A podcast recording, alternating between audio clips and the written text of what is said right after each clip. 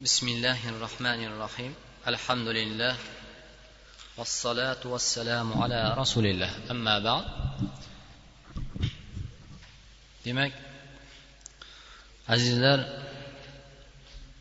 inson tabiati bu ikki soat yoki undan oshiq ziyoda holatda tik turib allohni kalomiga somiy bo'lishlik uni ma'nosini bilmasa ham lekin allohni kalomi ekanligiga ixlos bilan o'qishlik albatta bu allohni katta bir tavfiqi.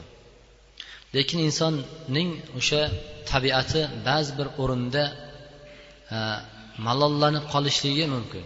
Lekin mana shu vaqtda biz o'tkazgan o'n bir oyni ramazon oyidan oldin o'tkazgan o'tgangi ramazondan keyin bu ikki ramazon o'rtasidagi o'n bir oyda qilgan ibodatlarimizni o'tkazgan umrimizni qanchasini allohni ibodatida qanchasini ya'ni o'zimizni manfaatimiz o'zimizni nafsimiz yo'lida o'tkazdik shuni eslab bir tafakkur qiladigan bo'lsak ya'ni bu xatmda allohni kalomini eshitishlik va tinglashlik va bu ibodatni ado qilishlikda mustahkam ya'ni baquvvat bo'lishimizga birodarlar sabab bo'ladi.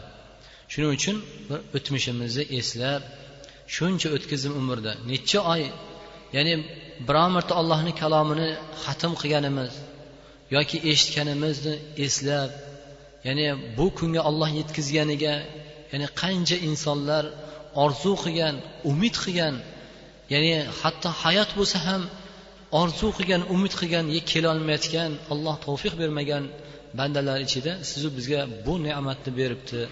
Degan bir tafakkur qilishlik kerak. Shuning uchun ham qur'an ya'ni ular qur'onni o'qiganda eshitganda tadabbur qilmaydilarmi?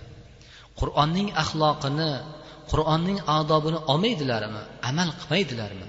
deb olloh siz bizga xitob qildi. Domlani nihoyatda bir moizalaridan ta'sirlangan holatda qaytar ekan.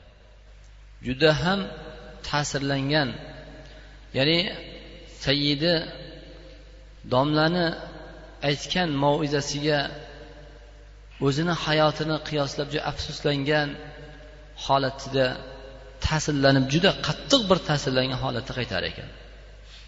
Va qul kunlardan bir kuni shu domlani oldiga borib aytsam shu domla qulni ozod qilishlik haqidagi fazil sob haqida ham gapirsa shoyat shu sayyidim xo'jayinim meni ozod qilib yuborsa degan niyatda domlaga borib iltimos qilgan ekan. Keyin bir juma o'tibdi domla gapirmagan qulni fazli haqida. Ikki juma qarasa uch to'rt jumadan keyin keyin gapirgan. Va sayyidi xo'jayini bu qulni ozod qilishlik va uning natijasida keladigan savob ajrni eshitib haligi qulni uyga kelib ozod qilgan ekan. Qul domladan iltimos qilgan ancha oldin qilgan lekin iltimosi ancha keyin aytilgan.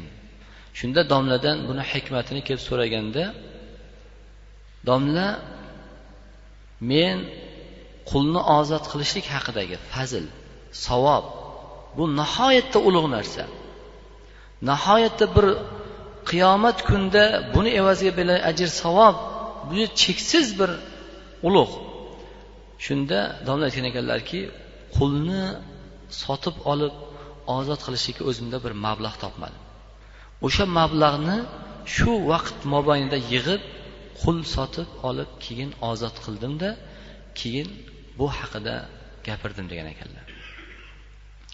Bizni hayotimizda juda ko'p qur'onni eshitamiz. Ko'p hadislarni alhamdulillah kitoblarimiz yetarli olimlarimizdan eshityapmiz. Sahobalar rasululloh sollallohu alayhi vasallamni huzurlarida bitta hadis eshitlardi yoki bo'lmasa iymon keltirib shu bilan sahroga chiqib ketdilar. Va ba'zi bir sahobalar keyin to vafot topgungacha rasululloh sollallohu alayhi vasallamni ko'rmadilar. O'sha sahroda vafot topdi suhbatida bo'lmadi mana shunaqangi holatda o'tdi. Nima uchun? Ular olloh qur'oni karimda laqad roziyallohu anhum va raduan olloh ulardan rozi bo'ldi. Ularni sahobalarni alloh subhanava taolo yetti qavat osmon ustidan alloh subhanava taolo ularni madh etdi. To qiyomatgacha qur'oni karimda ularni nomlari ularga bo'lgan ollohning rahmati qur'oni karimda zikr qilindi. Va allohdan ham ular rozi bo'ldi. Sabab birodarlar o'qigan eshitgan ilmiga amal qildi. Bitta hadis eshitsa ham shunga amal qildi. Ilm olishlik oson juda ham oson. Lekin ilmni amalda tadbiq qilishlik bu juda ham qiyin. Chunki insonning tabiati gunohga ma'siyatga shahvatga moyil narsa o'ch. Shuning uchun bu ilmga amal qilishlik juda qiyin. Lekin ilmga amal qiladigan bo'lsa alloh subhanaa taolo vallazina jahadu fina lanahdiyannahum subulana. Ya'ni o'sha bilgan ilmiga amal qilib olloh tomon ollohni rahmati tomon itoati tomon ergashdimi intildimi olloh bilmagan narsasini bildiramiz. Shuning uchun azizlar ramazon saharlikda bu ramazonda faqat qornimizni ro'za tutishlik emas tilimizda ham ko'zimizda ham quloqlarimizda ham qalblarimizda ham oyoq qo'llarimizni ham ro'za tutishlik mana bu haqiqiy ro'zani amali bo'ladi. U qorin och yurishlik hamma yura oladi. Hamma bunga sabr qila oladi buni tuta oladi. Lekin ro'zadan maqsad bu emas ro'zadan bu ramazon oyidan maqsad yuqorida aytganimizdek o'sha rasululloh sollallohu alayhi vasallamni imom buxoriy rivoyat qilgan hadis agar kim yomon so'zni tillardan va yomon amalni a'zolaridan tashlamas ekan qo'ymas ekan bu odamga olloh ya'ni och o'zini och saqlagani chanqoq saqlaganiga muhtoj emas. Ya'ni savob olmaydi dedi. Shuning uchun bir birlarimizga ya'ni aka uka bo'lganimizdan keyin bir birlarimizga g'iybat bo'lsa gunoh ish bo'lsa bir maqsad ishda bo'lsa tanbeh berib turaylik. Shoyat alloh subhanava taolo hammalarimizni bu ramazon oyidagi taqvo ne'matini alloh muyassar qilsin. Demak kechagi mavzumizga binoan har kuni namozni o'qiladigan juda ko'p hammalarimiz takror qiladigan suralarimizni hech bo'lmaganda ma'nosini buni fazlini ulamolarimizni tafsirlarini bilib olishligimiz zarur birodarlar. O'qiyotgan suralarimizni biz tasavvur qiling hayotda juda ko'p narsani bilamiz. O'zimizni dunyoyimiz uchun manfaatimiz uchun foyda keltiradigan bo'lsa uni hamma narsasini bilamiz. Lekin sizu biz uchun ikki dunyo saodatini beradigan allohni rahmatini olib beradigan ollohni kalomini ma'nosini tafsirini o'qidikmi yo eshitdikmi birodarlar shu narsaga ham bir e'tibor qilib qo'yishimiz kerak ekan. Fotiha fotiha surai fotiha deyiladi. Alhamdulillah masalan suratul fotiha deb ataymiz. Nima uchun fotiha deyiladi? Deganda ulamolar aytgan ekanlarki fotihatul kitob xottan allohni kalomini qur'oni karimni birinchi safhasini ochadigan bo'lsak nima? Alhamdu surasi yozilgan. Xat bilan o'sha yozilgan sura. Shuning uchun fotihatul kitob kitobni boshlovchi ochuvchi degan nom bilan atashgan ekan ulamolar. va shifa suratul fotihani demak alhamdu surasini shifo surasi degan ekan لما روى الدارمي عن أبي سعيد مرفوعا فاتحة, فاتحة الكتاب شفاء من كل سمن ya'ni fotiha surasi ya'ni alhamdu surasi har qanday kasallikka shifo degan ekanlar payg'ambarimiz sallallohu alayhi vasallamdan rivoyat qilgan hadis ya'ni alhamdu surasini o'qib inson o'qib yurgan odam va o'qib dam solingan ruqya qilingan insonga har qanday kasallikka shifo degan ekanlar va ruqya degan ekanlar. Ikkinchi bir nomi yana ruqya. Fi sahihayn imom buxoriy va imom muslim rivoyat qilgan hadisda hina ruqya biha rajula salima ya'ni bir sahobalar safarda ketayotgan vaqtida bir qavmni boshlig'ini chayon chaqqan ekan. Faqolalahu o'sha vaqtida sahobalardan biri ana shu chayon chaqqan odamga suratul fotiha ya'ni alhamdu surasini o'qib ruqya nafas urgan ekanlar. Shunda haligi sahoba faqola lahu rasululloh sollallohu alayhi vasallam ma yudrika annaha ruqya? Sen qayerdan bilasan buni ruqyaligini deb rasululloh alayhi iqror bo'lgan ekanlar. Demak haligi sahobiyni sen noto'g'ri qilibsan demadilar san qayerdan bilarding buni ruqyaligini haligi sahobiy alhamduni o'qib nafas urganlar demak rasululloh sollallohu alayhi vasallam bu sahobiyni qilgan amaliga rozi bo'ldi demak ruq ya'ni ruqya deb atalar ekan va kafiya val vafiya deb nomlar atalgan ekan ya'ni qur'on surasini hammasiga kifoya bo'ladigan sura. Qolgan bir yuz o'n nechta suraga kifoya bo'ladigan sura ekan. Lekin bir yuz o'n nechta qolgan suralar bu surani o'rnini bosmaydi. Nima uchun? Chunki namozda boshqa ba'zi bir o'rinlarda chunki har bir namozimizda har bir rakatida nima? Alhamdu bilan boshlaymiz. Demak alhamdu surasi bu makkai mukarramada nozil bo'lgan yetti oyatdan iborat bo'lgan ushbu sura yigirma beshta kalima so'zi bo'lib bir yuz o'n nechta harfdan tashkil topgan ekan قال البخاري في أول كتاب التفسير وسمي أم الكتاب أنه يبدأ بكتابة في المصاحف يعني أم الكتاب deb atalar ekan nomi bu nomni atalishiga sabab qur'oni karim nima birinchi safhani ochadigan bo'lsak birinchi alhamdulillah robbil alamin surasidan boshlangan. Va namozda nima? Birinchi o'qiladigan qur'on oyatlari bu alhamdulillah robbil alamin. Har bir rakatda. Va aytgan ekanlar innama summiyat ya'ni ummul kitob deb atalishiga sabab qur'onning hamma suralardagi ma'noni shu yetti oyatdan iborat bo'lgan alhamdu surasi o'z ichiga jamlab olgan deb aytgan ekan ba'zi bir ulamolar. Demak bu fotiha surasidagi ma'lumot edi. Endi fotiha surasining fazli alhamdu surasining fazli uni haqida rasululloh sollallohu alayhi vasallamdan xabar berilgan xabar. Imom ahmad rahmatulloh alayh rivoyat qaytadilarki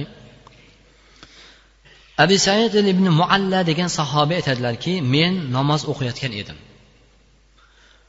Mana shu vaqtida rasululloh sollallohu alayhi vasallam meni chaqirdi. Men namoz o'qiyotganligim uchun rasulullohga sollallohu alayhi vasallamga javob berolmadim. Namozimni vaqtiga ado qilgandan keyin u kishini oldiga keldimda labbay ya rasululloh dedim. Shunda u zot payg'ambarimiz aytdilarki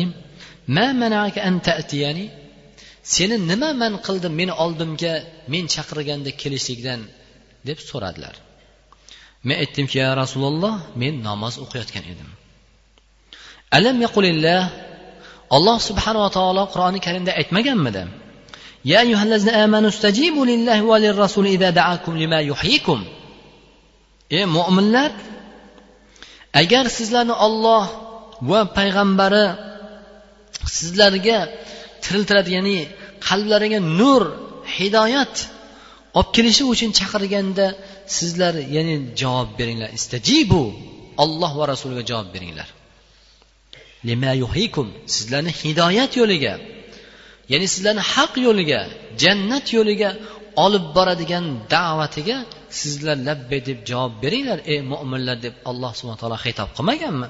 Oyatida aytdilar so'ngra aytdilarki men senga qur'oni karimda eng ulug' bo'lgan surani o'rgataman. Masjid. Ya'ni shu masjiddan chiqishingdan oldin men senga qur'oni karimda eng ulug' surani o'rgataman deb aytdilar. Va meni qo'limdan ushladilarda masjid masjiddan chiqayotgan vaqtlarida men aytdimki ya rasululloh menga ulug' qur'ondagi surani o'rgataman deb aytgan edingiz deb aytdim. Shunda naam u zot aytdilarki ha alhamdulillah robbil alamin hiya as-sab'ul mathani val qur'an azim alladhi utituhu ha dedilar alhamdulillah robbil alamin surasi ya'ni oxirigacha bo'lgan ushbu sura ya'ni sabul masani va qur'onning eng ulug' suralaridan menga berilgan sura deb aytdilar deb aytgan ekanlar قال رسول الله صلى الله عليه وسلم ما أنزل الله في التوراة ولا في الإنجيل مثل أم أم القرآن وهي سبع المثاني يعني وهي مقسومة بيني وبين عبدي rasululloh sollallohu alayhi vasallam aytgan ekanlarki tavrotda ham injilda ham ummul qur'on ya'ni alhamdu surasi nozil bo'lmagan faqat bu sizu biz har namozimizda tilovat qiladigan bu alhamdulillah robbil alamin surati ya'ni surati suratul fotiha faqat sizu biz ummatga rasululloh sollallohu alayhi vasallam va u zotni ummatlariga ushbu surani olloh nozil qilgan ekan. Aytadilarki yuqorida aytilgan hadis fajaat jariya. Abu said hudriy aytadilar biz safarda edik.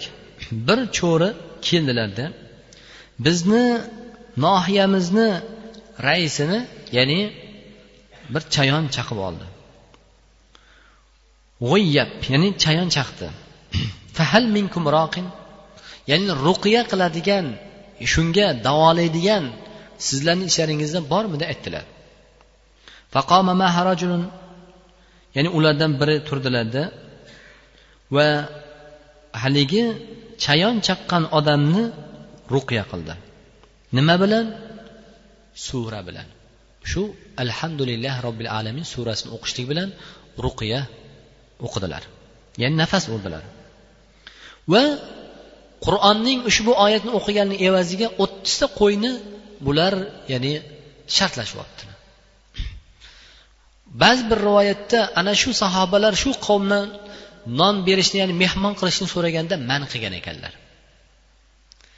Ular bu qavm man qilgandan keyin sahobalarni mehmon qilishlikdan haligi xo'jayinni o'sha mahallani kattasini chayon chaqib olgandan keyin bularni oldilariga ruqya qilishlik davolash davo qiladigan bormi ichinglar deb kelganda sizlar agar bizlarni mehmon qilsalaringiz deb ushbu ya'ni qo'yni shartlashib olgan deb aytgan ekanlar.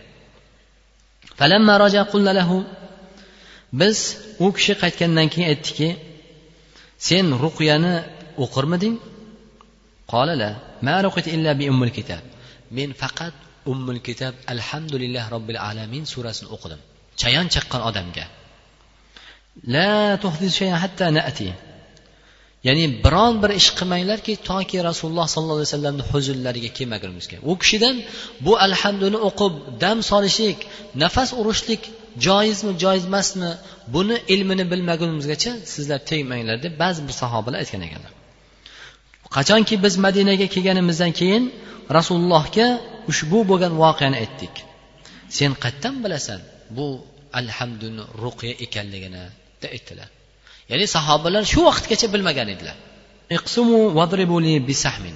o'sha olgan qo'ylaringdan bo'linglar va meni ham sherik qilinglar deb rasululloh sollallohu alayhi vasallam sahobalarni bu qilgan fe'llariga rozi bo'ldi قال الله عز وجل قسمت الصلاة بيني وبين عبدي نصفين men bu surani bandam va o'zim o'rtasida bo'ldim. Ya'ni alhamdu surasini. Agar banda alhamdulillah robbil alamin deb o'qiydigan bo'lsa alloh subhanava taolo aytar ekanki menga bandam hamd aytyapti. Meni maqtayapti menga sano aytyapti deb alloh subhana taolo aytar ekan. Va ar rohmanir rohim alhamdulillah robbil alamin oyatidan keyin kelgan ar rohmanir rohim oyatini o'qiydigan bo'lsa bandam menga sano aytyapti meni ulug'layapti meni maqtayapti deb alloh subhana taolo aytar ekan. Va qachonki malik yavmiddin qachonki banda malik yavmiddin oyatini o'qiganda ya'ni alloh subhana taolo endi bandam menga hukmini havola qilyapti. Chunki qiyomat kunni podshosi faqat u kunda bitta hukm qiladigan zot bu olloh subhanava taolo deb iqror bo'lishiga. Qachonki ushbu oyatni o'qiganda ya'ni alhamdulillahi robbil alamin ar rohmanir rohim maliki yawmiddin surasini o'qiganda oyatlarini va undan keyin iyyaka na'budu va iyyaka nasta'in deb aytadigan bo'lsa qiroat qiladigan bo'lsa alloh subhana taolo aytganki hada bayni va bayni abdi va li abdi ma sa'al. Mana bu narsa men va bandam o'rtasidagi narsa. Iyyaka na'bud senga ibodat qilamiz. Va faqat seni o'zingdangina yordam so'raymiz deyishlik. Va qachonki banda mana shu oyatni o'qigandan keyin alloh subhana taolo endi bandam nimani so'rasa o'sha narsani beraman deb olloh aytar ekan. Bu nima? Ehdina sirotal mustaqim. Parvardigoro duo meni mustaqim bo'lgan yo'lga hidoyatlagin qanaqa yo'l mustaqim yo'l? An'amta alayhim.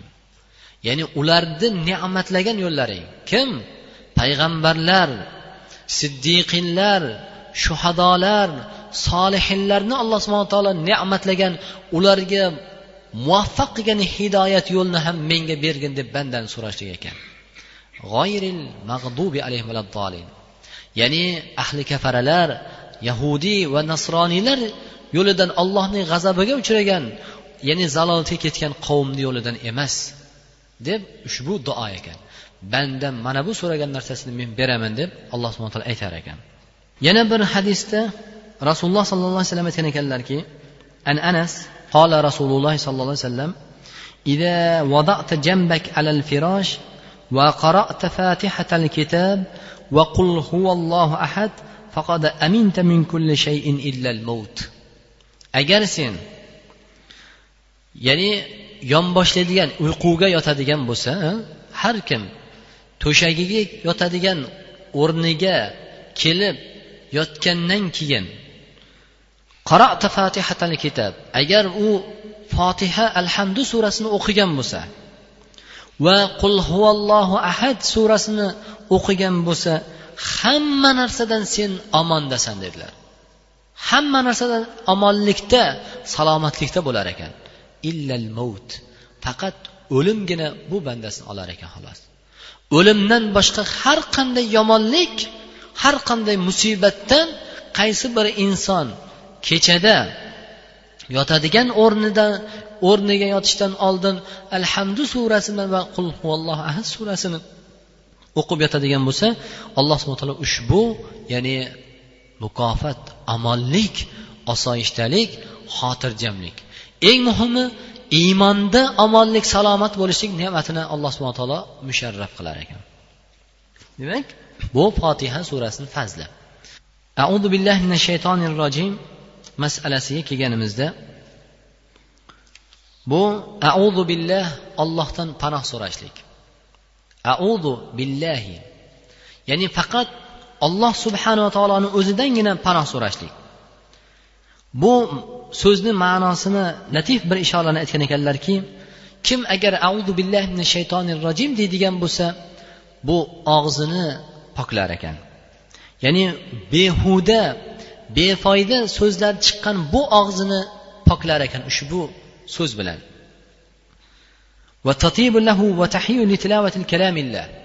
Ya'ni og'zini poklashlik tozalashlik va allohning kalomini tilovat qilishlikka tayyorgarlik qilishlik ekan. Billah bu ollohdan panoh so'rashlik. Avdu billahi min shaytonir rajim degan odam. Bu nima? Qudratni o'ziga xos ekanligini e'tirof qilishlik. Biz agar birodarlar olloh panoh bermaydigan bo'lsa shaytonni sharridan bu yomon musibat. Agar olloh bizlarni shaytonni sharridan vasvasidan panoh bermaydigan bo'lsa jinlarni yomonligidan panoh bermaydigan bo'lsa birodarlar sizu biz bu yerga kelib o'tirmagan bo'lardik. Bu ollohning panohi ollohning rahmati ekan ollohni qudrati bilan shaytonning vasvosidan bizlarni qalbimizdagi yomon fikrlarni chiqarib tashlab uni o'rniga ollohni muhabbati ollohni toatini muhabbatini solganligidan bu yerga o'tiribmiz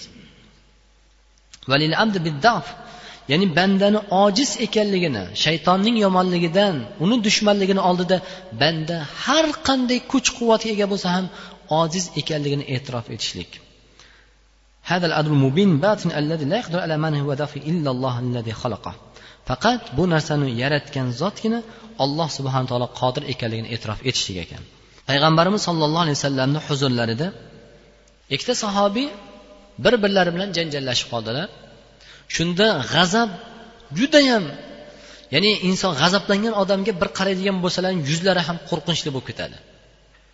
Shunda u zot aytdilarki men shundoq bir so'zni kalimani bilamanki agar bu odam shu kalimani aytadigan bo'lsa ya'ni bunda vujudga kelgan g'azab ya'ni shaytoniy g'azab ketadi dedilar.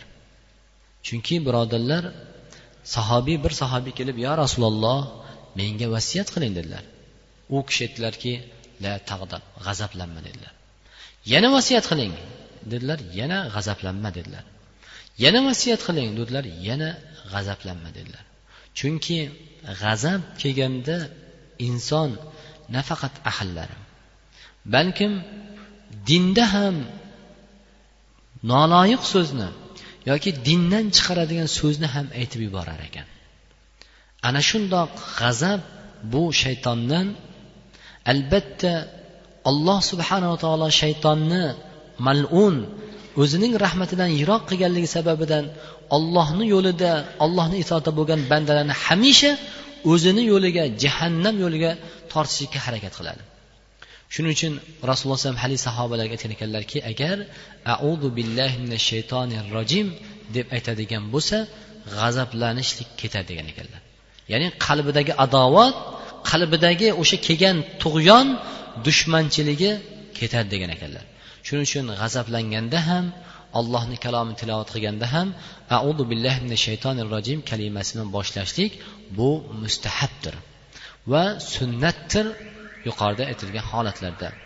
Demak audu billahi mina shaytonir rojim shayton bu ollohni rahmatidan yiroq bo'lgan rojim malun bo'lgan hech qachon ollohni rahmatini topmaydigan ollohni faqat mo'min bandalarni yo'ldan urishga harakat qiladigan shaytondan faqat ollohdan panoh so'rar ekan. Shuning uchun qur'onni boshida doim audu billahi shaytonir rojim deb qur'on o'qiyotgandagi tadabbur tafakkur qur'onda hayol qochmasligi uchun fikrni bo'lmasligi uchun ushbu oyat bilan boshlashlikni ya'ni ulamolarimiz mustahab degan ekan. Hatto ba'zi ulamolar vojib degan ekan.